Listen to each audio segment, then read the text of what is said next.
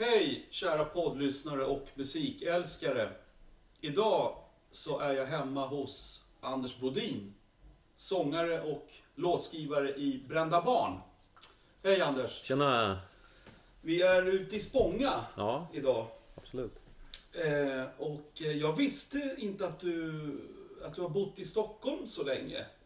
Nej, dels är jag ju född i Stockholm som jag sa tidigare och sen så har jag bott här sedan 86 då. Så att det, jag menar, tiden går ju. Ja, precis.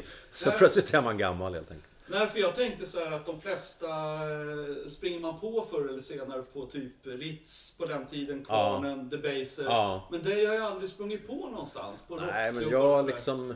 När jag, när jag flyttade hit, då hade jag liksom eh, lämnat eh, till viss... Alltså jag hade, jag hade lämnat... Jag, jag, jag flydde från Sundsvall på ett sätt. Jaha, För att jag eh, var less på liksom att vara brodde och jag var less på eh, ja, den person som jag hade blivit på något sätt i folks ögon. För det var liksom, Okej. ja. Det var 1986 Ja. du flyttade hit? ja. Okej. Och sen var det en massa andra saker i Sundsvall också med, med, med mycket droger och, och så vidare som jag också var trött på liksom. Mm, jag förstår. Eh, i omgivningen och, och, och så vidare. Eh, så jag vet inte, så att när jag kom hit så, så eh, jag var inte speciellt mycket ute på de där musikställena. Mina första gäster var Sten Boberg Ja. från Lita Pop, Ja. gitarristen. Och den här kopplingen är ju 100%. Han spelar ju live med Brända Barn. Jajamän. Så den, den, det är första gången nästan som en gäst Ja. spelar med en annan gäst. Ja. ja, men Sten är en fantastisk gitarrist för det första. Och sen en jävligt eh, god vän. Eh, Och eh, vi lärde känna varandra på, på den tiden. Samma skivbolag va? Ja, ja, så vi var ju på samma fester och sådär. Och många var ju, många var ju rätt svåra liksom att få kontakt med. För det var ett jävla poserande liksom hit och dit bland liksom eh, den där liksom Misslur stallet och så vidare, tycker jag i alla fall. Eh, Men Sten var ju en sån här som, honom blev man, honom fann man direkt. Så vi Social kille. Ja, så vi, vi hade jävligt kul ihop. Eh, och sen så vi, sen min förra fru eh, var, hade en, en god vän eh, som sen blev ihop med Sten. Jaha. Så att vi fick ju liksom ett umgänge också vi fyra. Ja, ja, ja, Ja. okej. Så du har känt honom sedan typ 83? Ja, Ja. 82, 83. Ja. Eh, och sen har vi inte liksom varit med varandra hela tiden. Men, eh, och sen när vi gjorde den här plattan över bron då så är det ju liksom mer gitarrbaserat än vad Brända var tidigare. Eh, och det är mer gitarrer helt enkelt. Eh, och så, vi, jag är ju gammal hårdrockare och sen punkare. Och sen var det ju en period där med, med postpunk som var väldigt starkt. Eh, men jag menar, i, bilen nu har jag The Cult till exempel. Liksom, så att det är sånt som jag går igång på. Och massa annat också naturligtvis. Eh, så att då satt vi och klurade, hur fan ska vi göra det här live liksom? Med, när det är, plötsligt har vi liksom gitarrer som, alltså pålägg och på ett sätt som vi inte hade tidigare. Nej. Ja, då, då sa jag, men då sa vi fråga Sten. Sten han är ju fantastisk, han vill ju alltid spela. så han säger liksom, honom kan man alltid räkna med. Så när han kom till första repningen, då kunde ju han allt. Så han är ju han är musiker på ett annat sätt än vad jag kanske skulle vilja säga att vi är. Liksom. Jag håller verkligen med om det. Er skiva där över bron. Ja, Eh, fantastiskt. En liten koppling bara. Micke Westerlund, en musiker från Sundsvall. Ja. Eh, är jag lite bekant med. Jag var med i hans band en vecka. ja just det, kretsen. Ja. Eh, en vecka och sen åkte jag ut med huvudet före. Och då, då var jag nervös. Eh, det här, nu pratar vi 1992, kära Ja. Kretsen var ett band som var jättebra. Gav ut en skiva. En eller två Ja, kanske. två tror jag. Ja. Jag var påtänkt som basist. Eh, Och då var Brända Barns keyboardist. Just det, Strandqvist. Ja, var med. Ja. Det var väl en bra koppling. ja, jag. det var det. Ja, Ja. det var en koppling. Jo, eran skiva över bron. Ja. Eh, den är ju helt fantastisk. Eh, håller du med om jag skulle säga att den är bättre än debutskivan? Eh, alltså, det, Svårt vet, för dig kanske? ja, jag vet faktiskt inte. Nej. Jag var, jag var faktiskt jag var mer nöjd med den än med debutplattan. Okej. Eh, men det tror jag hänger ihop med också att tidigare var jag aldrig nöjd. Alltså? Nej. Så att jag har ju liksom eh, Ja, jag har ju, har ju blivit lite mer eh, coolare om man säger så. Ja. och inte så jävla neurotisk på det sättet. Nej, ja, jag tycker den är bättre. Ja. Den är Ja. väldigt jämn. Bosse Lutén tycker också den är bättre. Mm, mm. Så har han sagt många gånger. Han är ju också en jättebra kompis. Ja, och då ska jag säga till poddlyssnaren, jag älskade ju Allt står i lågor, debutskivan Jaha. också. Så det är ganska högt betyg. Ja. För mig är det en fempoängare. Åh, fantastiskt. För- för mig. ja, får, tack. Inte ett dåligt spår någonstans. Nej, men den... Nej, men Bra, Jag hade förmånen liksom att jobba med Martin Russell, var jättebra eh, producent. Eh, och han och jag gjorde låtar ihop. Eh, och sen gjorde jag några låtar ihop med Micke Westlund också. ja, Micke som vi pratade om alldeles nyss. Ja. Och sen eh, med Per, per Wiksten också en låt. Mm, det är han från Warner Dice. Ja, precis. Eh, Så att vi har ju liksom haft turen och, och fått jävligt bra hjälp när vi gjorde den här plattan. För att vårat, liksom, våran eh, modell tidigare, eftersom vi startade ju som liksom ett 100% ett punkband ur liksom, kanske ett naivt perspektiv. Vi tyckte bara, vad fan, det är ju bara att ta upp instrumenten och spela liksom. Och vi Ja, var ja. ju ett kompisgäng. Eh, som egentligen, jag menar, det var väl istället för liksom att sitta och kröka liksom, eller, eller ja, något annat vad man nu skulle Ja. göra. Fan vet jag, köra moppe liksom. Ja.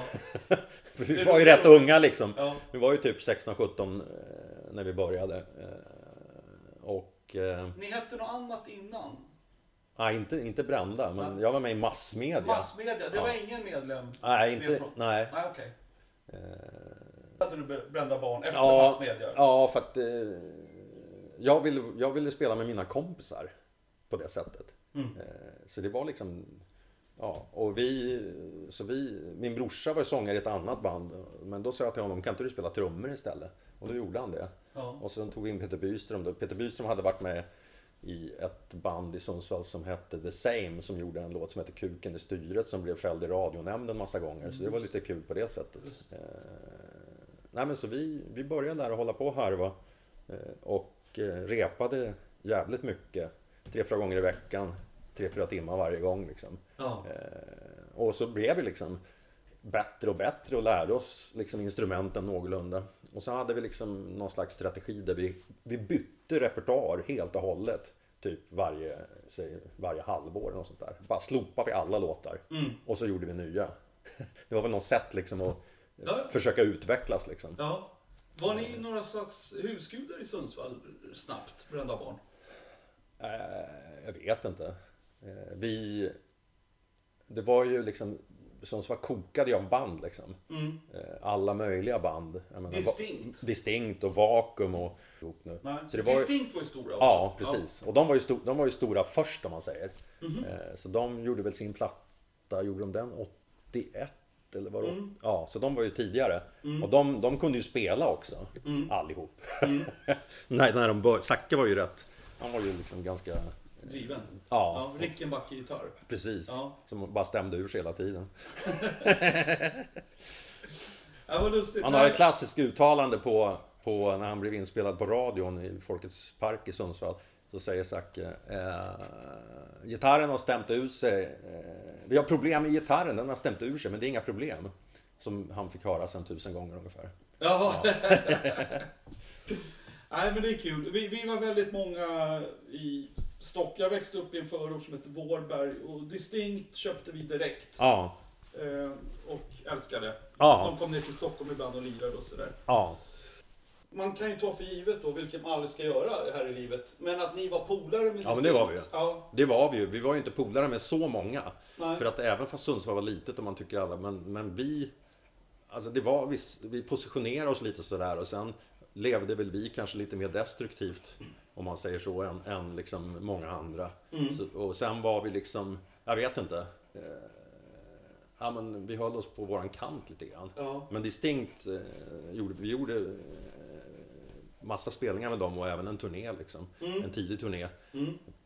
som väl var det var, den, det var våren 82 tror jag. Det, det var då det började kännas att det var på riktigt på något sätt. Vi Mm. hade gjort massa spelningar innan. Eh, Men då eh, var vi ute på en eh, ja, turné i två veckor tror jag med tio spelningar. Mm. Och det var första gången som vi kände, fan publiken gillar oss liksom. Okej. Så det var, det var häftigt Ja. på sitt sätt. Jag tänkte på det här med skivkontrakt och sådär. Distinkt låg ju på missbruk. Ja, Och ja, men det vart ju en viss uppmärksamhet för dem. Ja. Ni fick brända barn fick kontrakt med Misslur. Ja, vi spelade på den här Gärdesfesten. Eh, Den, den eh, klassiska där Ebba inte kom. Där var ju jag. Ja. Jag har foton där. Ja, och and the Banshees. Precis. På Gärdet. Ja.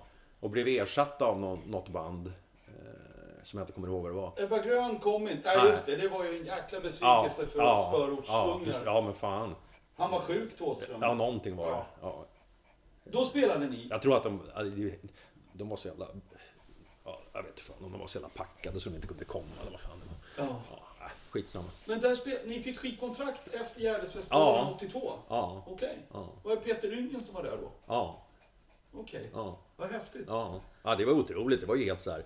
Vi hade ju gett ut en singel innan som var, eller EP, som var eh, ja, mer punk på något sätt. Vissa har sagt att det är lite Per Ubo i den och sådana här saker. Jag vet inte.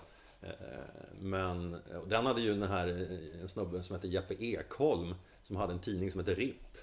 Ripp ja. Ja, just och sen nu finns det ju Micke RIP, han är väl kvar från det där. Han var väl Ja. fotograf då. Micke Borg ja. Ja, precis. Det är en polare till mig. Ja, Han ja. hängde med Strindbergs väldigt Ja. mycket. Ja. Nej, men honom brukar jag morsa på när man... För, ja, den här Jeppe vet fan var han tog vägen. Nej, Eh. Nej, men, eh, nej, men så då, när han gav ut första plattan och sen jag ville inte ge ut någonting. Tyckte Va? vi var inget bra. Alla band vill ha skivkontrakt. Nej, men alltså- Jag satt ju och skickade ut kassetter varenda Ja, månad. nej, jag var så här, men fan vi måste bli mycket bättre. Ja, självkritisk. Ja, extremt. Aldrig nöjd. Nej. Jag tyckte vi var, ja, jag tyckte, jag tyckte att vi var, Vad intressant. Så när Peter Yngen såg er live och ville ge er ett skivkontrakt så, eh, så, så var du ganska skeptisk? ja, det kan man säga. Alltså jag blev ju glad på ett sätt. Men då kände jag verkligen, nu måste vi för fan, nu måste vi liksom, Skärpa er? ja. ja. Jaha, För, för nu blir det på riktigt liksom. Ja. Och då fick vi med en medlem som heter Mårten Mårtensson, som han var ju skolad musiker. Mm. På riktigt. Vilket Eh, instrument? Ja, han spelade klaviatur då. Ja. Eh, Så han, och han lärde oss jävligt mycket i hur man arrangerar, hur man liksom repar. Eh, metodiker som vi hade jättestor nytta av. Han var, Mm. Han var med typ i sex... När det sen blev den här turnén som jag sa med Distinct. Mm. Eh, Mårten var väl rätt nervös av sig liksom. Eh, då hoppade han av. Alltså, Ja, när, när vi, äntligen när vi skulle ha kul liksom. Dessa keyboardister. Ja. Jag har råkat ut för Och då, det var då vi lyfte in Janne Strandqvist istället då. Mm. Eh, som ju var ett jävligt oprövat kort men som var, han var en kompis. Det var typ som det var då. Ja, ja, ja, Vi, vi tar in en kompis här. Eh, kontexten, kära poddlyssnare. Vi hoppar till 1983. Imperiet hade startat. Kommando en pigg. Ja, Distinkt har vi pratat hyrde om. deras turnébuss, Commandos kommer jag ihåg. Okej. gång. Ja, Ja. Eh, Lolita Pop, ja, eh, som vi återkommer till här. Strindbergs reperban ja. höll ju på. Det var kontexten i Sverige där. Då släppte Brända Barn debutskivan Allt står i lågor. Och sen blev ingenting längre sig likt för er som band kan jag tänka mig. Nej, nej men Det absolut. exploderade ju. Ja, det gjorde det. Ja, hur det var ju... hur, Ah. kändes det? Var det en rockstjärnedröm som eh, slog in? Nej, jag har aldrig haft någon dröm liksom. Tyvärr. Det borde jag ha haft. Eh, Nej, men jag... Det där var liksom... Rockstjärnedrömmen har ju de flesta Ja, som börjar i ett band. nej, jag Där hade inte det. liksom- Nej. Jag har liksom... De andra Det har varit en jävligt då? dålig drömmare överhuvudtaget. Faktiskt. De övriga medlemmarna då? De ville bli rockstjärnor. Jag vet inte, vi snackade liksom aldrig om det på det sättet. Men, men, nej, men jag tror att de kanske vill... De, de, de njöt nog mer. Alltså jag, jag gillade... Jag tyckte det var fantastiskt den sommaren när vi spelade in plattan. Och man, liksom, man ändå tyckte att fan, det börjar ju liksom låta okej. Fick ni bo på hotell då? Nej. Nej, fan vi bodde ju... Först hyrde vi en lägenhet via farsan, en kompis han hade. Men, men där hade vi tydligen stökat till det så jävla mycket så då blev vi vräkta därifrån. Åh fan. Ja, och farsan var ju helt ursinnig och han snackade aldrig med den här gubben någon mer. Han var ju väldigt på våran sida. Eh, Så då bodde vi ju typ i studion. Eller hemma hos någon tjejer som han liksom raggade upp. Nisslurs studio? Ja. Vid Mariatorget? Nej, den låg ju på Roslagsgatan. Ja, visst fan, deras den, ja. största Ja. studio. De hade flera, ja. Ja, precis. De hade två. Där såg ni. Ja, och sen sov vi hemma hos Glauman ibland. Stefan Alltså, Glaumann, legendarisk Exakt. producent. Otrolig producent. Ja. Helt otrolig. Han producerar alla Ebba Grön-skivor kan man väl säga till poddlyssnaren. Precis. Och liksom, jag menar, han var ju... Ja. Och sen spelade ni in skivan där en ja. sommar. Ja. Och Typ tre veckor först. Eh, och sen eh, någon vecka till med sångpålägg och såna grejer och sen mixades det liksom. Var du nöjd Och då spelade man ju live i studion. Okej. Ja, på riktigt. Ja. Ja, så det var ju helt annorlunda än nu. ja. Men du, du sa tidigare att du, du, när ni fick skivkontraktet där, nu får vi skärpa oss i Brända Barn, tyckte du. N- när skivan kom ut, Ja, var du nöjd då? då? alltså...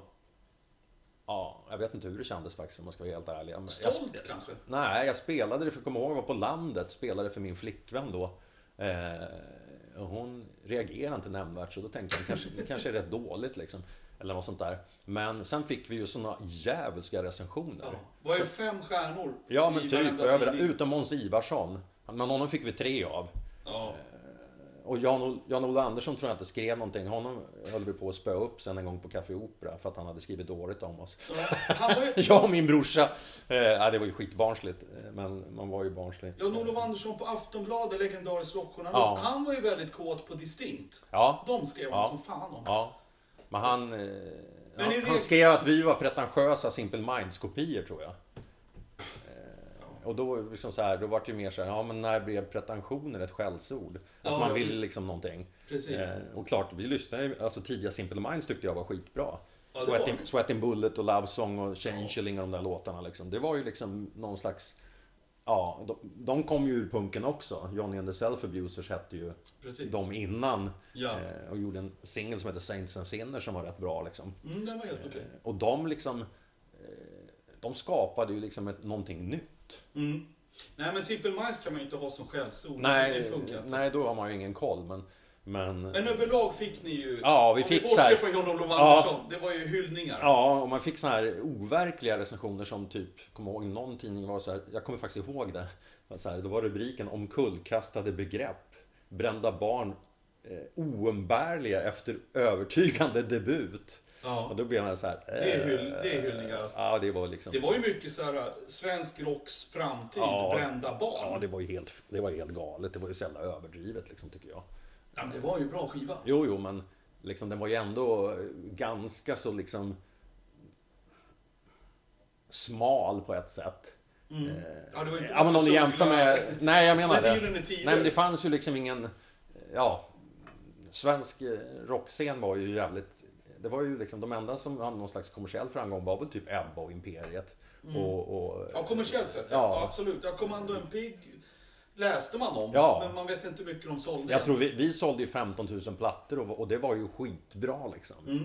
För många sålde kanske 1000 eller, eller 2000. Mhm. Eh, nej men så att visst, ingenting blev sig likt efter det. Det, det stämmer ju. Ja. Eh, Vi hade ju plötsligt, jag hade ju sagt till då Sammusik som bokade oss där att ja, men boka det ni kan liksom. Då hade vi plötsligt, jag tror det var 60-70 spelningar bokade på två Satan. aslånga turnéer liksom. Det är mycket. Ja, Det är hela Sverige. Ja. Var det Norden också? Ja, Ja. Oslo och Danmark och ja, Okej. ja. Men, för Jag, jag är lite Vi var intress- bokade på Roskilde men då, sen eh, hoppade jag av liksom. Ja. Eh, Miljoner musiker i världen Ja, hade känt de här två stora turnéerna Mm. du nämnde. ja, Roskilde till exempel, bara en sån sak. ja. Att, att många band hade huggit av sig ett finger för att, för Ja. att nå dit. Ja, Alla garageband och Ja. demoband. Va? ja. Hur kom det sig att, eh, att du aldrig kände så? Jag vet inte. Jag vet fan inte. Jag ska vara helt ärlig. Hade du Alltså- tankarna på något annat? Att rock... Nej men jag, jag, Rockmusiker blir ju lätt så här att bandet är det enda som gäller. Det vet Ja, det, så var det ju. Ja. Så var det ju på, det sättet att hela mitt liv var musik. Så man, liksom, man åt, andades och levde musik, absolut. Det är ju vanligt. Ja, men att musiken skulle bli liksom eh, så viktig eh, på något sätt för andra människor, för skivbolag. Eh, att, att man, massa folk skulle plötsligt ha synpunkter på vad vi gjorde. Folk hade synpunkter på liksom vilka som spelade i bandet. Alltså, Ja, synpunkter på medlemmarna? ja och liksom... Det lät lite ovanligt. Ja, men det, det hade ju skivbolags... Peter Yngen hade ju det och jag bara... Jag sa åt honom, stick åt helvete liksom. Det kommer aldrig... Det kan jag köpa. Det är Ja. ju ditt band. Ja, och liksom vi var ju vänner. Man kan liksom inte bara byta ut en vän. Nej, nej, nej. Det gör man inte, alltså i min värld. Men det är klart, och det, så på det sättet var vi ju inte. Alltså vi var inte en produkt. Nej, långt Liksom. ifrån. Vi var liksom... Eh, ja, self-made och jag är helt autodidakt liksom. Jag har lärt mig allting själv. Och så har det alltid varit. Har alla mina jobb liksom och, och sådär. Så att, eh, Ja, under de här turnéerna som Anders nämner nu, kära poddlyssnare, så såg jag Brända Barn. jaha. Jag var inte gammal, 16 kanske. Ja, var, Eh, var då någonstans? På Kolingsborg, Ja, okej. Slussen i Ja. Stockholm. Distinkt och Brända Barn är mitt minne av den. Ja, vi spelade två gånger på Kolingsborg. Som jag vet, kommer En ihåg. var radioinspelning vet Ja. jag. Jag är osäker på om det Ja, var den skitsamma. jag... Det var ju helt overkligt för plötsligt var det så här 700-800 pers liksom och kolla på oss. Ja. Så man bara såhär, va? Du förresten, jag var på radioinspelning. Ja, okej. För Distinkt på Kolingsborg, då var ju Imperiet med. Just det det, precis. grej. Det var vi, Imperiet och Distinct tror jag. Ja, Ja. exakt. Eh, ni spelade två gånger på Kolingsborg. Ja. Eh, Och så spelade vi på Ritz också. ja, där kom jag inte in. Nej, okej. Hårda vakter. Jag höll inte heller på att komma in där. Fast du spelade? Nej, alltså, det var vid något tillfälle, det var ju så jävla töntiga vakter där. Eh, Så ja, du fick- skulle inte få komma in. Och så, Men ni skulle ju så, spela. Nej men det var när vi höll på att spela in plattan så det var Ja. inte, inte på gigget liksom. Men, och, och så sa jag men liksom kom igen nu för fan vi, vi, håller, vi har ju till och med ett band liksom. Jaha, är det du som går under beteckningen Brodde? Sa han då vakten. Beteckningen liksom, bara det. Ja det är jag. Ja men okej, då fick vi komma in. Jag var en ganska påläst vakt. Ja. De brukar inte vara så smarta. Nej, och sen så, eh, så fick jag någon infall där och skulle skriva liksom en text på en servett kommer jag ihåg. Eh, Och då blev jag utslängd. För att jag liksom förstörde deras servetter. Så de var helt dum i huvudet eh, på Ritz. Tycker jag. Där kunde ju annars Nej, jag vet inte allt möjligt florera, jag Ja. Men skriva på en servett och bli Ja. utslängd. Servett, eller menyn var det förresten, sorry, menyn. Ja. Och då var det så här, du, du förstör våra menyer. Jo men det gör jag, men jag är poet. Ja. Så vad fan är problemet liksom? Eh, vi hoppar då till att ni la ju faktiskt av eh, Ja, 1984. ja. Efter, det var ju efter sista turnén, sista spelningen i Hultsfred. Var det Hultsfred som var den sista? Ja. Den sessionen? Ja. Sen har ni Då avslutade vi med New Dawn Fades. Okej, En Joy Division-låt. just det. Eh, och sen gick vi liksom in och grinade allihop och eh, se, kröka ner oss fullständigt. Liksom. Ja. Var alla medlemmar i bandet med på att lägga av? Eh, ja, men de, de, hade ju, de, hade, de ville fortsätta. Så att de hade vissa planer och kontakter med olika sångare eller sångerskor. Men det blev liksom aldrig någonting. Eh, men din, sen, br- din bror på Ja. trummor, ville han fortsätta? Ja. Okej. ja, men, och sen så blev ju... Sen, jag, alltså jag drabbades ju av en, en, en ganska djup depression. Och det var ju det som utlöste att jag, att jag inte vill, kunde eller ville fortsätta. Eh, och den, den började med att jag började tycka, liksom, tvivla extremt mycket på liksom, allting. Och tycka att eh, plattan var skitdålig och du vet, eh, jävligt mycket negativa tankar. Och eh, jag tyckte inte det var något kul längre. Nej, men inte då- ens att stå på scen och publiken Nej, det var med. helt märkligt liksom. Ja. Den här sista turnén. Var så här, massa folk överallt. Ja. Eh, Och jag, jag var helt, jag var avstängd liksom. Ja, ja. Eh, men sen så återkom liksom lusten så då, då startade vi liksom ett nytt band som The hette Bunch. The Bunch och bara Wild Bunch. Ja, Wild Bunch först och så fanns det ett annat band som hette Wild Bunch Ja. som hade rättigheterna så vi fick heta The Bunch istället. Och så liksom gick vi, gav vi oss på att spela in en Neil Young-låt och det var ju fantastiskt för Neil Young godkände liksom en svensk text som jag hade gjort. Mm. Eh, som jag aldrig trodde han skulle göra, men det gjorde han. Så då tänkte jag, okej, då, då tar vi oss friheten att göra en, en, en version liksom. För vi hade haft den som extra... Hej, hej, Ja, hej, hej, my, my. Ja. Vi hade haft den som extra nummer eh, som alltid hade varit. Och det var ju liksom ett medvetet val för att eh, det var ju rätt långt ifrån egentligen vad vi, vad vi var i övrigt. Mm. Den, den är ju liksom en helt annan typ av rock liksom. Mm. Du, du, det här The Bunch. Ja, Eh, Det, ni, jag var och såg er live. Ja, Det var ju många stockholmare som var helt svältfödda på att ni hade lagt av. ja, ja, Eh, ni kom igång ganska snabbt efter 84 där. ja, det gjorde vi. Och det var samma Jag tror vi kom igång kom vi, Jag tror vi kom igång på hösten 84 och sånt där. Ja, Så att en av de snabbaste comebackerna Ja. någonsin. ja, Men. Var, visst var det samma medlemmar? Ja, och så, där tog, och så tog vi in en snubbe på saxofon också av någon anledning. Eh, Jag började lyssnade otroligt mycket på soul då. Eh, eh, Som ju hade ofta blås liksom. Ja, just det. Ja. Det var liksom, jag hade, ja livet har ju varit en musikalisk resa liksom. När man har, har gått in i all möjlig liksom, typ av musik. Eh, så jag började egentligen, jag var på Rough Trade, den här skivaffären i, i London 79. Eh, och eh, så spelade de någonting där som jag tyckte var otroligt bra.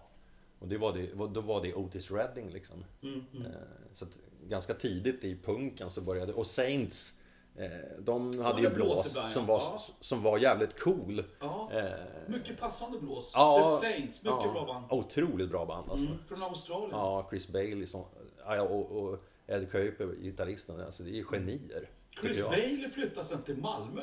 Sångaren i Saints, kära poddlyssnare. Ja. Otroligt. Bra band med blås. Ja. Och riktigt jävla bra melodier och, Ja, och, ja. och attityd. Alltså, man, alltså rock måste ju vara, det måste finnas attityd annars är det så jävla tråkigt. Ja. Det, det här med The Bunch. Ja. Eh, Jag, jag tror jag såg er på ett ställe som heter Tre Backar. Ja, okej. Ja, men det tror jag. Ja, för Att där kom jag in. Ja. Då hade jag fyllt 18. Ritz var ju stenhårda på sin jävla Ja. 20-årsgräns. Ja, jävla larvigt. Ja, eh, The Bunch, jag minns också att ni spelade den här Neil Young-låten Ja, vi pratar om. Eh, med svensk text. Ja. Som också är med på er skiva från förra året. Ja, precis. Ja. Ja, för, ja precis. Det var, vi fick någon idé där liksom att, att göra den igen. Eh, Mycket vacker, akustisk, Ja. lite stråkar och... Ja, precis. Jättefint arrangerad. Det var Martin Russell gjorde, gjorde mycket där. eh, Mm. Kan man säga. Vad hände med The Bunch? Det var, hur länge fanns ni? Vi fanns i typ ett och ett halvt år och sånt där tror jag. Ja, men någon skiva hittade jag aldrig. Ja, och vi gjorde ju Hey Hey My My. eh, På singel? Ja, och, Okej. Mm. och en låt på baksidan som heter Korståg. Och sen spelade vi in en singel till. Var det på Missflur? ja, som aldrig gavs ut och som bara finns på provpress. Man kan säga en singel Ja, en singel. Ja. Och, och vad hände sen? Ja men sen, alltså det var väl... Eh, jag var rätt trött liksom på den där figuren man hade blivit på något sätt. Lite grann. Eh, som eh, representant för någon slags desillusionerad generation och allt vad fan det var liksom. Som, inte, som jag inte tyckte stämde och jag vet inte, jag, jag ville ha någon förändring i mitt liv helt enkelt. Eh, och jag förstod att jag skulle ha, jag skulle ha svårt liksom att vara liksom varumärket Brodde liksom. Eller ja, artist liksom. Eh, det kände jag liksom att, nej men det... Jag håller gärna på med musik men, men eh, inte på den liksom, nivån som att det är ens jobb. Eh, utan mer för att det är en passion liksom. Och så är det väl i och för sig för många. Många lyckas ju eh, vara passionerade så jag ska inte säga så liksom. Men, men för mig blev det så. Så, så fick jag möjlighet och, och fick ett, liksom ett sommarjobb i Stockholm. Som jag tyckte var liksom, eh, ja, som, som kunde liksom ta mig vidare i livet kan man väl säga om man säger så. Eh, Så det var liksom lite grann någon slags ex- existentiell kris för mig som Jag gjorde att eh, ja, men nu, nu vill jag ändra mitt liv liksom. Och sen råkade jag hamna sju resor värre i Stockholm än vad jag var i Sundsvall, men det är ju en annan historia. Faktiskt, ja. Så, så, Okej, så Bunch, ni var heltidsmusiker där? Ja, vi försökte väl, men det var ingen, vi, kunde, vi fick ju jobba extra och sådär. Eh, För att klara oss ändå då. Och vi var aldrig så smarta, som Lolita var ju smarta, de gick ju med Musikerförbundet. Så de stämplade ju liksom. Men det, fatt, det fattade ju aldrig jag. Nej, nej. Nej, så eh, jag förstod inte nej. eh, den där nej jag förstår. Det, det, a-kassesvängen. nej. Det är ju en klassiker, Ja. Musikerförbundet. Ja. Och sen så, man skulle uppvisa visst antal Det spelningar per ju, år. vi hade ju lätt fått fick det när vi hade spelat så mycket. Ja, oh ja. Ja, men man var ju för dum i huvudet. Fast det kanske var bra också, för jag menar, eh, det gjorde ju att man, ja, jag gjorde en annan karriär liksom. Mm, Ja. Jag tänkte, är du medveten om att ni har två rekord i, i er karriär? Nej. Ett är subjektivt för mig, Ja. eh, som, ja, som jag tror många skulle hålla med om. Det andra rekordet är ett rekord alltså, som inte jag hittat på. Ja, okej. Eh, Vill du höra? Ja, absolut. Det låter spännande. Ditt subjektiva rekord. Ja, det tar vi sist. Ja, okej. vi, vi tar det riktiga Ja. först. Det här är ett rekord. Eh, ni är eh, det enda bandet i världen som har haft eh, 33 år mellan första skiva och uppföljare. Åh fan. Ja, det är ju häftigt. Ja, vet du vem som ligger tvåa i Sverige? Nej, ingen aning alltså. Jakob. Hellman? Ja. Ja, ja. Han har 28 år uppe nu. Jaha. Ja, men han blev ju, han blev ju megastor. Han blev ju på ett helt annat sätt. Men han, han drabbades nog också lite grann av det som jag drabbades av, fast på en helt annan nivå. Jag, jag vet inte vem han är alls. Nej, jag provspelade för Jakob Hellman Ja, och träffat honom Ja. ute sen så, så det, det ligger mycket i det du säger, Ja. prestations... Ja, ja. Eh, om han skulle släppa, 28 år sedan han släppte sin debut, om han släpper en uppföljare om fem år, eh, nu är det t- 2017 plus 5, 2022, Ja, då tangerar han ert rekord. ja just det. Jakob Hellman och Brända barn. Ja. Fan, det, alltså vi...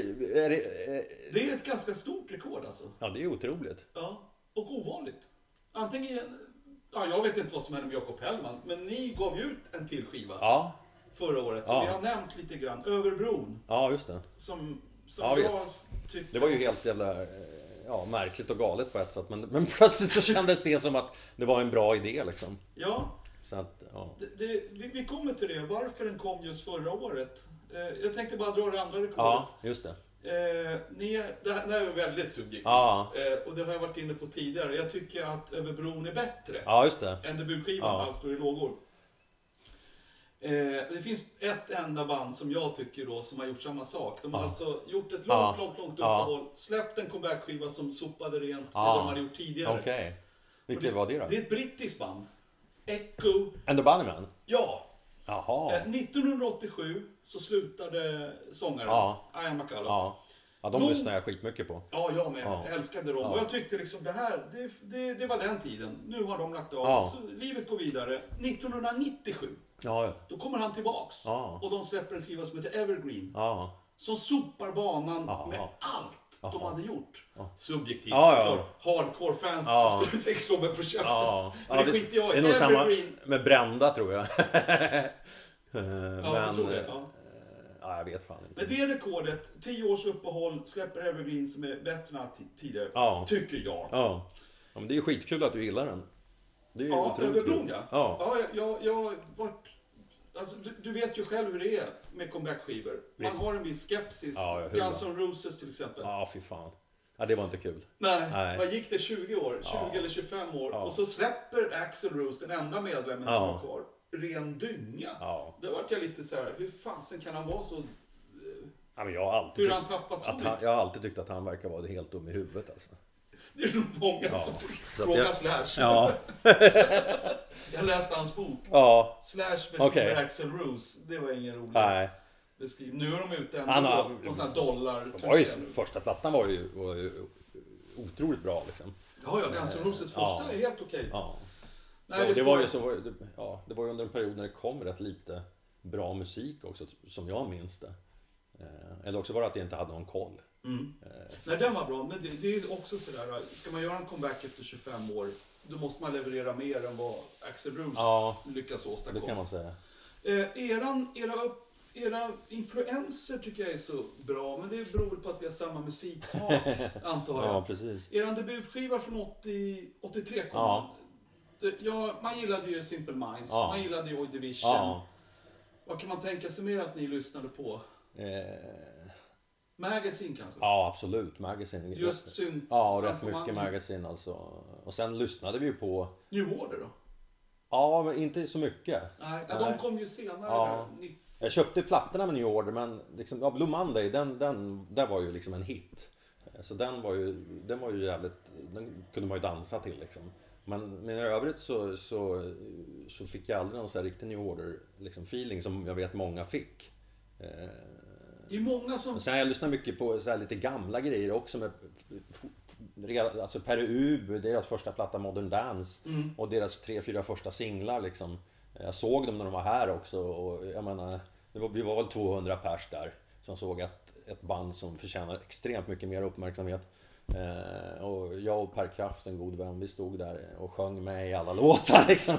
Eh, men, ja, men också lyssna, eh, började lyssna mycket på Scott Walker och såna här grejer liksom. Mm. Alltså, Så- så under jag fick- fick- Brända barntiden? Ja, fick, Ja, Scott ja, men, jag, Walker. ja, jag fick höra liksom att det det var Ian Curtis, på tal om att referenser smittar av sig. Ja. Det var Ian Curtis, en av hans favoritsångare. Så tänkte man, det måste man... Och sen gav ju Ju- Julian, eh, var det Julian Temple eller Julian Cope? Julian Coop va? Gav ut en samlingsskiva med, med Scott Walker. Jaha, det har han gjort. som jag fick Julian Coop älskade jag. som jag fick av, av eh, Nylin. Eh, och då var det så här, fan det här är ju svinbra. Jag, jag gillade verkligen hans sångstil. Mm, Eh, som var liksom, du vet. mm. Ja, Ja, Scott Walker. Eh, och liksom hans, ja det var bra texter. Ja, men sen, jag lyssnade skitmycket på Tom Waits. Eh, på Lou Reed. Ja, Lou Reed Otroligt man, mycket på Lou Reed. det kunde man höra Ja. spår av. Bowie lyssnade jag- Det var ju mycket man lyssnade på som kanske inte slog igenom i Brända liksom. Och Iggy. Ja, Iggy, men, men inte så mycket tidiga studios. Sen Iggy tyckte jag blev för mycket hårdrock liksom. Mm, Eh, när man säger som eh, ja, Soldier och de där plattorna liksom. Mm. Eh, men eh, mycket David Bowie som fan alltså. Det var ju mycket, om man sk- skriverierna om Brända Barn, Ja, 81, 82, Ja. 83. ja. Det var nästan alltid så här att Joy Division skulle nämnas. Jo men det var ju liksom... Ty- Tyckte du att det var det någonting Nej. som var relevant? För det, Nej men det var ju liksom okunniga journalister helt enkelt. De, kan- de, de hade ju ingen koll. Nej. Om man ska vara helt ärlig. det var lätt att skriva Ja, Joy Division var bara så här, man droppar någon jävla namn liksom. Men Mm. nej, det är klart vi, alltså, jag såg Joy Division i London 79 och de hade liksom ett, en, en, en utstrålning på scenen som var helt underbar liksom. Eh, Jag menar med, med Peter Hook liksom med basen ungefär nere vid knäna som Joey Ramone. Men sen då liksom med, Didi Ramone. Ja, Didi Ramone, sorry. Men sen med liksom en, en, en eh, extremt eh, hård framtoning. Ja. Eh, och skäggstubb och liksom, han liknar ingenting av punken på det sättet. Hur var han eh, Och sen- gitarristen i Joy Division? Ja, men jag, ja, men, gitarristen var ju som en snygg pojke liksom. Bernhard Ja, någonting. Bernhard eh, Sumner. Ba- Sumner. Ja. Ja. Han, han var en Ja men han var skolpojke. ja, skolpojke med sån här typ eh, Hitlerjugendfrilla liksom. Eh, så här uppklippt liksom, du vet. Eh, Och hade, ja, men han spelade ju jävligt skön gitarr.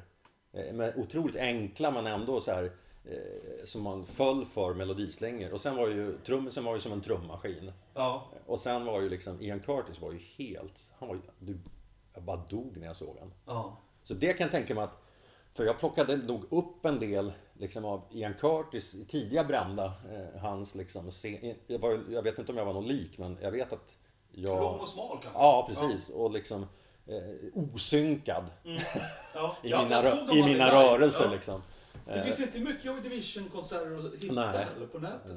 Men du så- såg dem Ja. in real life? Ja, så det, ja, det är klart vi blev påverkade och jag lyssnade extremt mycket på, på Joy Division och sen ville jag liksom få svensk, våran gitarrist, att gilla det där. Så jag kommer ihåg, han var på, han var på våran, vårat lantställe en sommar och då sa han, då hade man ju Walkman på den tiden liksom. Walkman, Sony exakt. Walkman. Så sa jag, men lyssna på det här liksom. Och då, och, och då jo, började han göra det och sen började han gilla dem, vilket jag aldrig trodde, för svensk hade ju jävligt skum musiksmak. Alltså? Han gillade ju liksom ABBA, Def Leppard och Richie Blackmore liksom. Ja. Och, och punk också från början, men han var så här, han, var, han, han hade, eh, vi förstod inte varandra riktigt musikaliskt, men han, gill, han började, så han gjorde ju liksom, han plockade upp en del av det där sättet att spela på, men gjorde, gjorde det till sitt liksom. Ja, ja. Eh, Men annars, eh, textmässigt var jag, alltså, var jag inte influerad av, av Ian Curtis och inte egentligen, Nej. nej. Så det var nog mer att det var lätt att säga Joy Division, Ja, för, eh, journalisterna. ja. Det här stället i London du såg dem på, Ja. var det någon fullsmockad rockklubb Nej. som folk var helt going nuts? Nej, det var liksom YMCA. Det var, det var, det var Joy Division och så var det, Ja, de var från Manchester. ja, så var det Teardrop Ex- Explodes. Mhm. Eh, Från Liverpool. ja, och sen var det Essential Logic som var då hon saxofonisten från X-Ray Spex. 150-200 pers där. Va? Ja, När Teardrop Explodes och Ja. Joy Division spelade Ja. i London? ja. Ja, det är mördande konkurrens i Ja. den staden. Det var ju där jag och Leif André eh, i, Skådisen ja, i, i, i, typ vi skulle tågluffa men vi hamnade bara i London, sen blev vi kvar där. I fyra veckor. Ja, tre veckor i alla fall. Och eh, vi såg nog 100 band liksom. Ja. Ja. Något annat minnesvärt än Joy Division? allt möjligt liksom. Alltså, mer så här bra punkband som typ Chelsea, eh, Undertones. Inte Clash? Nej, men de såg på Eriksdalsbadet sen. Eh, Sham 69's Last Stand. Mm. Jag har kontakt med nästan alla som jag lärde känna i punken på den tiden. Alltså. Det är Ja. liksom det som är mina vänner fortfarande. Jag tänkte på Reeperbahn där förresten. Ja. Eh, som också spelade på den här Gärdesfestivalen. Ja, Eh, du, du, känn, du lärde känna Olle Ljungström lite grann. ja. Vi, vi, vi, kände, vi, vi blev rätt goda vänner liksom under en, under en eh, relativt kort period. Hur kom det sig att ni fann ni varandra på Ja, Gärdesfestivalen nej, backstage? nej. eller? Vi fann varandra på, i, i Hultsfred en gång. Eh, på någon sån här, när de öppnade en ny rockklubb som hette Metropol. Eh, i Hultsfred. Och då... Var han där med Reeperbahn då? Nej, han var där själv och jag var där själv. Publiken hade liksom önskat vilka de ville skulle komma dit. Och då hade de önskat Så han liksom... skulle inte spela? Jo, men... Ja, men... solo? Ja, men... Jaha, det var efter Reeperbahn. Ja. Nu är jag med i tidsperioden. Men liksom- Efter Reeperbahn kommer Olle till Hultsfred. Ja, var det... Alltså jag kommer fan inte ihåg för det var ju typ... Det måste varit... Ja, det måste varit typ... var jag av 84. Ja, men- och det här var typ eh, början på 90-talet tror jag. Ja, men då Ja. var han nog Ja. solo. Tänkte väl Ja. solo i alla fall. Så då spelade jag också Hej Hej My My och någon till Brända-låt som jag inte kommer ihåg. Eller alltså någon Brända-låt. Mm. Men med Lolita som kompband. Fan, det hade man ju velat se. Ja, Sten Boberg igen. ja visst. Eh, Och det var väl liksom, ja det var väl någon slags, jag tror de kompade en hel del, kanske Olle också. Ja. Eh, Och Ebba var ju där fast inte, inte Thåström då. Nej, de hade ju verkligen Så eh. Gurra var där och Fjodor och, och, och, och sådär. Var Stry med? Ja, jag, jag tror... Jo, Stry var där. Ja. Ja, det kommer jag ihåg. Han drömde om att att liksom bli låtskrivare då åt, åt något tjejband som hette Bikini. Okej. Som jag tyckte, vad fan, det där kan du inte hålla på med. Men sen förstod jag att det, han hade ju en annan relation till musik än vad jag hade. Ja, ja. Eh, så att, eh, ja. Och då lärde jag känna Olle. Vi lärde känna varandra över en back öl kan man säga. Eh, En back öl och Olle. ja, precis. Ja. Och jag. Okej. Och sen... eh, Men ni kontakten sen, många år eller? Ja, fyra, fem år tror jag. eh, Som vi höll kontakt och träffades hyfsat regelbundet. Och eh, sen... Han ville att jag skulle bli hans manager. Manager? Ja. För jag, var, jag alltså, hade ju... solokarriär? Ja, jag hade ju liksom blivit... som Jag hade ju blivit som... Kommit in liksom i mer kommersiella kretsar.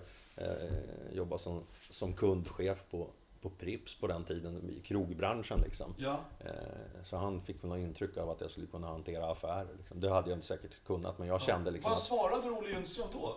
Managerförfrågan? Nej, men jag sa liksom, nej men jag vet inte liksom. Jag, jag, men jag gav väl något så här svävande svar. Jag ville inte helt enkelt. Men så att, Nej. jag, jag kommer inte ihåg vad jag sa. Jag ska fundera. Ja men typ, eller nej men ja, antagligen. men det var ju, ja, så var det. Eh, Olle Ljungström har vi pratat om tidigare i podcasten för den flitiga lyssnaren här. Eh, Sten Boberg var ute och turnerade med honom. Ja, det var inte så lätt. Nej, nej han berättade, Ja. Sten Boberg där. Eh, nej men det är tråkigt att han dog så ung. Eh, inte Sten alltså. Tragiskt. Olle, 54 bast. Ja, Det är helt, ingen ålder. nej jag är 55 så att, Nej, för jävla tidigt. men det var, nej men det var helt förjävligt. Hade du kontakt med honom sista åren? Nej, Nej. nej. Ja, Det blir så. Han flyttade ju från Stockholm också. Sista gången jag träffade. Ja, sista gången jag träffade honom var på eh, när tidningen Schlager hade något jubileum. Mm. Och hade en fest på... Vid Medborgarplatsen? Ja, precis. Ja, den var jag på. Ja, Ja. det var sista gången jag träffade honom. ja. Ja, så det var ju rätt länge sedan. Mm. Skrivit ut sig själv från sjukhuset tror jag. Liksom. Läkarna vägrade ta ansvar. Eh, så det var, ja. ja, tragiskt. Ja, För tidigt. ja jag hatar den där liksom eh, faktiskt självförbrännande livsstilen. Alltså, jag tycker den... Ja. Ja, ja, ja, ja, jag gillade inte Sid Vicious heller liksom. Nej, snacka om för tidigt. Ja. Var han 20, Nej men och hela 21 bast eller grejen som blev där liksom med när punken liksom bytte... eh, Blev destruktivt. Ja. ja.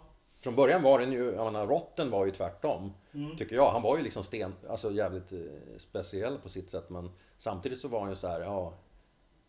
Man måste göra någonting. Mm, mm, Jag kommer ihåg en intervju speciellt med honom där han sa liksom The young people walking up, up and down the streets complain about every, everything Watch top of the pops and do nothing. och liksom så här, klaga på allt, kolla på top of the pop men gör inte någonting. Eh, som jag tyckte var, ja men fan. Eh, så, så det blev punk för mig. Mm. Att göra någonting. Mm. Jo men Johnny Rotten var ju en klok kille. Ja. Jag läste ut hans självbiografi Ja. här om året. Han flyttade ju till...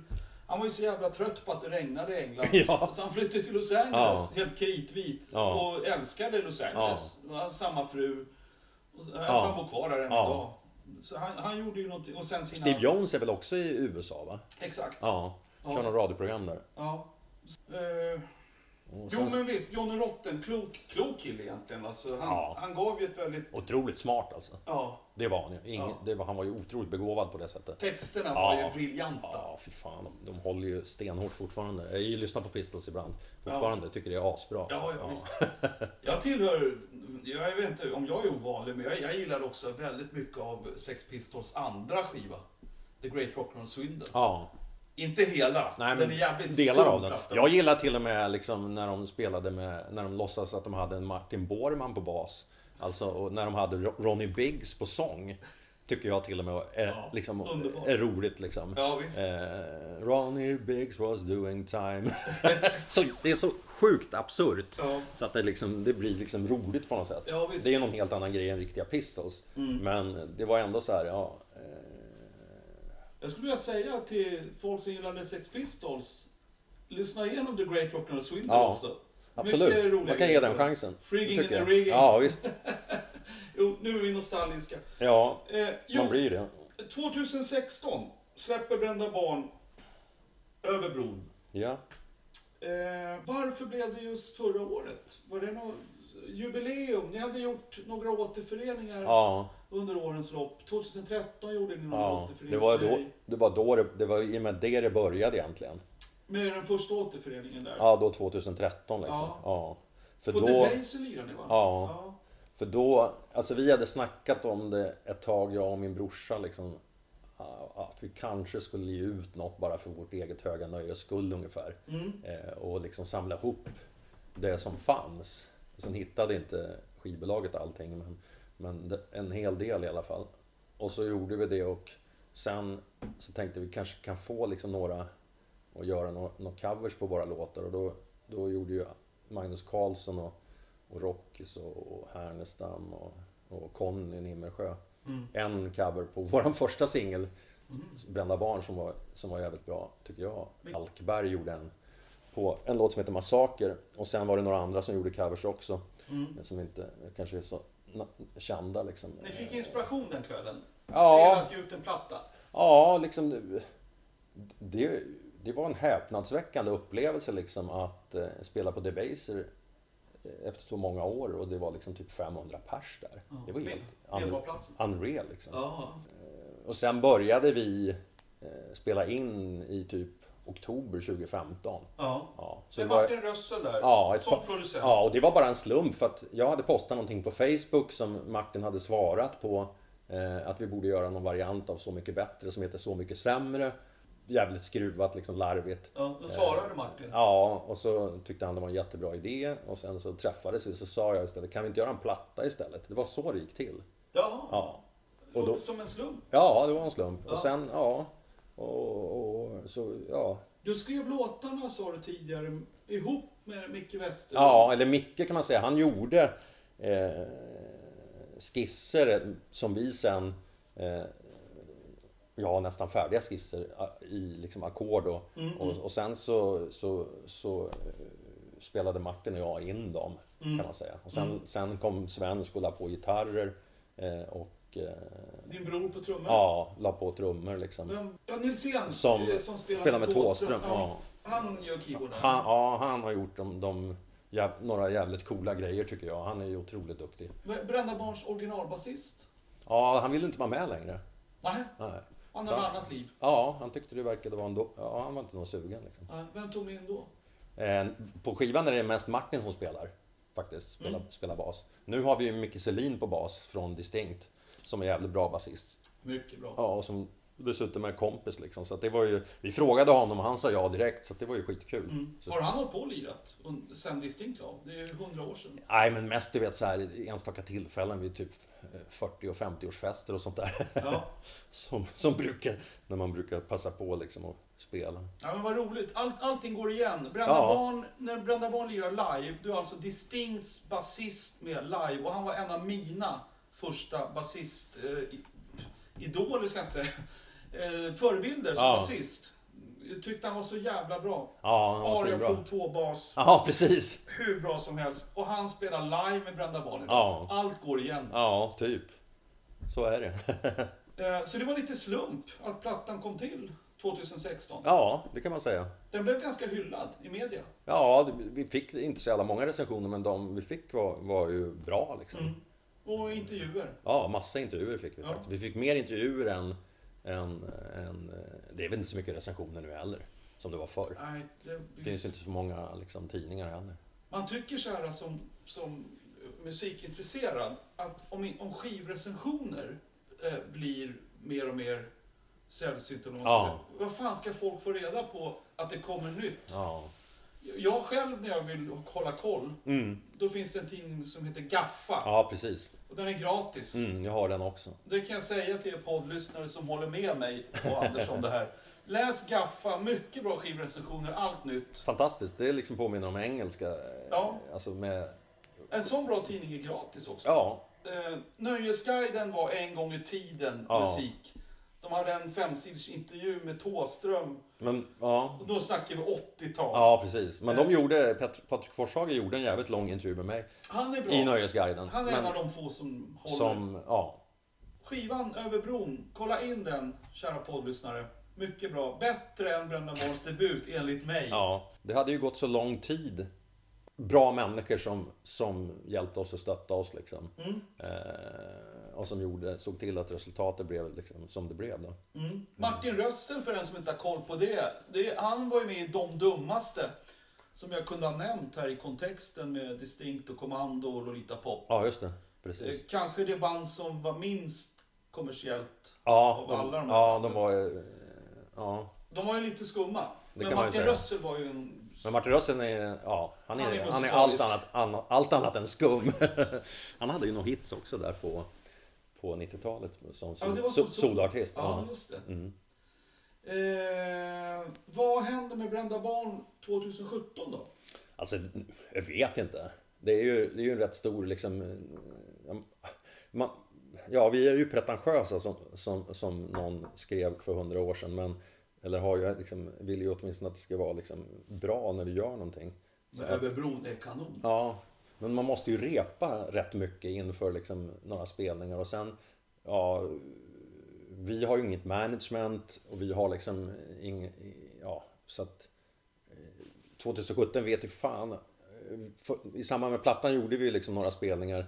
Och Bland annat fick vi spela på Liseberg, vilket var otroligt kul. Då var Sten Boberg med. Så Ja, för, för där, men jag växte upp på Liseberg. Min pappa kommer från Göteborg och farmor. Och eh, vi var där varje sommar liksom. Och, Det var ju fullsatt när ni lirade. ja, det var mycket folk. Ja. Ja. Eh, Jag vet inte om det var fullsatt. Ja, men det kan vi säga. Nej, det var fullsatt. Inför, Ja, inför scenen så att säga. ja, men det var, det var mycket framför scenen och sen hela backen upp liksom eh, mot huvudstråket på Liseberg. Ja, visst. Så det var ju jävligt strange tyckte jag. Liksom. Men, men ja, fan det. Ja, Får jag komma med ett förslag som fan? ja absolut. Eh, Brända Barn, varje år, tre spelningar. Ja. Stockholm, Göteborg, Malmö. Ja. Varje år. Ja. That's enough. Ja. Om Ja, men- nu har andra liv, Jo. så att säga. Ja. Vad säger du om ett sånt förslag? ja, men absolut. Kan inte du fixa det då? Ja, jag har varit bandbokare. Ja. Jag bokat, Nej, vi sökte ju... jag bokade alla Rock the Clash-gigs. Jaha. Jag har bokat band i 20 år. Ja, du får gärna boka oss. För vi sökte bandbokare, men till slut föll det ju på att man fick göra det själv. Ja. Eh, att nu kanske liksom skulle göra någonting ändå nu. Mm. Det, är ju, det är ju liksom... Det är ju en rätt stor liksom, ansträngning man gör. Eh, Jo, jag vet. Det är en stor apparat. Ja. Ja. in allt. Ja, och sen så är det ju också, för mig är det, är det otroligt liksom energi urladdning att, att vara på scenen. Mm. Och väldigt, eh, Men tre Alltså- spelningar per år. ja men absolut det klarar man av även när man är gammal. Och sen är så det lägger liksom, ni den på en vecka. Ja, Så precis. är det klart. Ja, absolut. Malmö har vi aldrig varit i heller. Eller alltså då, eh, men Nej. inte på senare tid. Nej, nej. Eh, Så det kan man ju tänka sig. Ja, så tar vi in Street Terrarie som förband. Precis. Ja. Ja. Stry kanske vill vara hu- huvudvakt. Det kan, det kan han, Han kan få vara det. säkert vilja vara. Absolut. Han är också aktiv. Ja, men Stry är ju, han, han, han gör ju grejer hela tiden på liksom mer än vad vi gör, men, men ja. Ja. Bra Stry idé. var ju liksom, ja, han var ju samtida. Mm. Jävligt eh, duktig, gjorde många skitbra låtar. Ja. eh, Både själv och, och liksom till Och till Imperiet. Imperiet liksom. Ja, på Rasera är ju flera låtar och även den där Maxi eh, singeln som kom, eller EPn. Ja. Ja, ja. och sen ja, de gjorde en med Kickar och Kriget med mig själv och, Mm. och som var typ Ja, den heter fe- bara Imperiet. fem, sex låtar på. Ja, Där kanon. gjorde, ja. Där är han ju med. Så han, jag tycker Stry var ju bäst när han gjorde låtar och, och Pimme sjöng dem. Ja. Du måste ju lyssna på intervjun med Stryk. Absolut. Det är två avsnitt bakåt. Dina tre bästa skivor. Du har hört. Men det gör det ju inte, liksom, det borde man få förbereda. Ja, men jag tror du hade lyssnat på de tidigare intervjuerna. Nej! Kolla på skivsamlingen. Ta fem. De flesta säg- tycker att fem är enklare på något sätt. Jag vet inte varför. Tre är ju Eh, lite... Nej men... mm, Love It To Death med Alice Cooper. Alice Cooper! Ja, alltså tidigare Alice Cooper sjukt bra. Och sen kan vi väl ta då eh, Scary Monsters med Bowie och... Eh, Give me five. Den har jag med. Många Jaha! har med Bowie. Ja. Men bara du och jag och Sten Boberg har Scary Jaha. Monsters. Han har också det. Han älskar ju. Fripp. Ja, Fripp är ju fantastisk. Nej men sen vad fan ska vi ta sen då? Du, jag ingen, eh, Berlin med Lou Reed Den kan är jag fin. ta. Ja. Ja men den har jag lyssnat jättemycket Alice på. Cooper, Bowie, Lou. Ja. ja. Och sen, ja, det finns ju hur mycket som helst. ja. De Alltså, tre bästa konserterna du har sett Joy Division faktiskt. i London. Ja. Eh, Trots att det bara var 100 pers. Ja, t- ja, 150-200. Det, säger ingenting. Ja, Bandet nej. kan ju vara hur bra Nej, det som var så, helst. eh. Ramones på Jarlateatern. Var du där? Ja. Ja, återigen var jag för ung. Ja. Ja, det var ju helt otroligt. För det var ju, ja, jag menar, innan dess hade De jag sett... sönder stolarna. Ja, hela jävla eh, parketten rök. The Cult på Gröna Lund. Inte för att det var så bra, men för att jag älskade Cult. Ja. Ja. Jävlar vad bra de var. ja. De var, var jag såg dem som förband till Aerosmith en gång också, men då blev de så jävla nedmixade. Det var precis när Sun King hade kommit. den Eller, eller. So- Sonic Temple. I stadion. Ja, Ja, precis. där var jag. Men där blev de ju, alltså de, det var så dåligt ljud. Ja, han var ju så jävla pissed off också. Ja, det är klart. Ja, Vad han- fan med det jävla ljudet. Ja, fy fan vad jag, ja. Men, men de var. Men vad fan, jag borde ju säga någonting med Paul Weller som jag ju älskar. Eh, The Jam. Ja. Samma här. Eh, Men Solo Weller, är jag har ju sett honom typ tio gånger. Nu, jag glömde bort honom nu faktiskt, det är nästan helgerån. Eh, hans första platta, den Mm. är svinbra. Och sen är ju flera stycken otroligt bra. Men den, Stanley Road var väl det var väl det kommersiella, riktigt kommersiella genombrottet. Jag tror den sålde över en miljon ex. Ja, och den skivan fattade jag ingenting om. Nej, det, det finns några låtar där men, men eh, ja. Han i Oasis pratade ju jämt om Ja, den. Så han, han hyllade ju upp den. Nej, Paul Weller. Ja, men Paul Weller, det är liksom en, en, en fantastisk... Han, han är den enda från den tiden som fortfarande liksom har någon relevans, tycker jag. Mm. Eh, Från liksom punken. Party, party, det enda som blev kvar. Ja. Genialiskt. Ja, tack. Vad syftade du på med den? Nej, någon slags dekadens. Att det liksom, till slut så skiter du i allting. Du har gått igenom, jag sjunger ju om det liksom. Ja. Jag har blivit sårad, jag har blivit det och det och det. Eh, som säkert är allmängiltigt, har väl de flesta blivit liksom och blivit lämnade. Och, och sen till slut så, så liksom i den där, den där det blir, det blir en slags så här, kanske inte uppgivenhet men någonstans man blir, man blir liksom less på allting. Och då, då är det bara liksom Det som är kvar? Ja, Ja. att liksom nu, ja men då får vi, då, och, och så tycker jag det är mycket nu. Det är otroligt mycket så fokus på, på, på liksom, eh, ja, festligheter på olika sätt och allting ska vara så jävla eh, alla, må, all, alla låtsas på något sätt alla, liksom, på Facebook och man lägger ut bara de här perfekta liksom. Så Allt ska det, det blir nå- någon slags inställning att, att eh, ja, men det var det vi hade, fick kvar till slut. Liksom. Vi som är uppväxta liksom, på 60-70-talet, det var ju ett helt annat Sverige. Man hade helt, nu ska jag inte säga andra värderingar för det har ju kidnappats av politikerna. Liksom. Eh, Men så var det ju liksom. Eh, Och det fanns en annan liksom, kanske solidaritet. Nu, nu gör man ju man- manifestationer liksom men om man ska vara helt ärlig liksom när, när, när eh, man sa att flyktingarna var välkomna så samlades det ju massa folk. Men sen när Stockholms stad bad stockholmarna öppna sina hem då var det typ sju pers som gjorde det liksom. Eller om det var det är sant. 17. Så att det är jävla, det är otroligt liksom. Jag är så här, Otis Redding sjunger ju Action speaks louder than words. Eh, Och så tycker jag också liksom. Eh, Eller sitting on the top of the world? Ja, precis. det är bättre att, är att, att göra än att säga tycker jag. Ja, absolut. Så ni, vad var det vi sa? Ja, just det. Party, party, eh, det enda som blev kvar. Mm. Vad var det vi sa? Så jävla briljant Ja. att du lägger till just vad Ja, var det vi just. Okej. sa. Eh, Tack. Anders, tack för att Ja, men- jag fick komma hem till Ja, dig det var skitkul. Och eh, Jag är glad att du kom. ha, jag ser fram emot i varje fall någon Någon spelning. ja, Ja. i framtiden. jag också. Tack ska du ha för Ja, att tack. du kom. Eller att jag fick komma. Ja, absolut. Tack. Tack. Vi ses.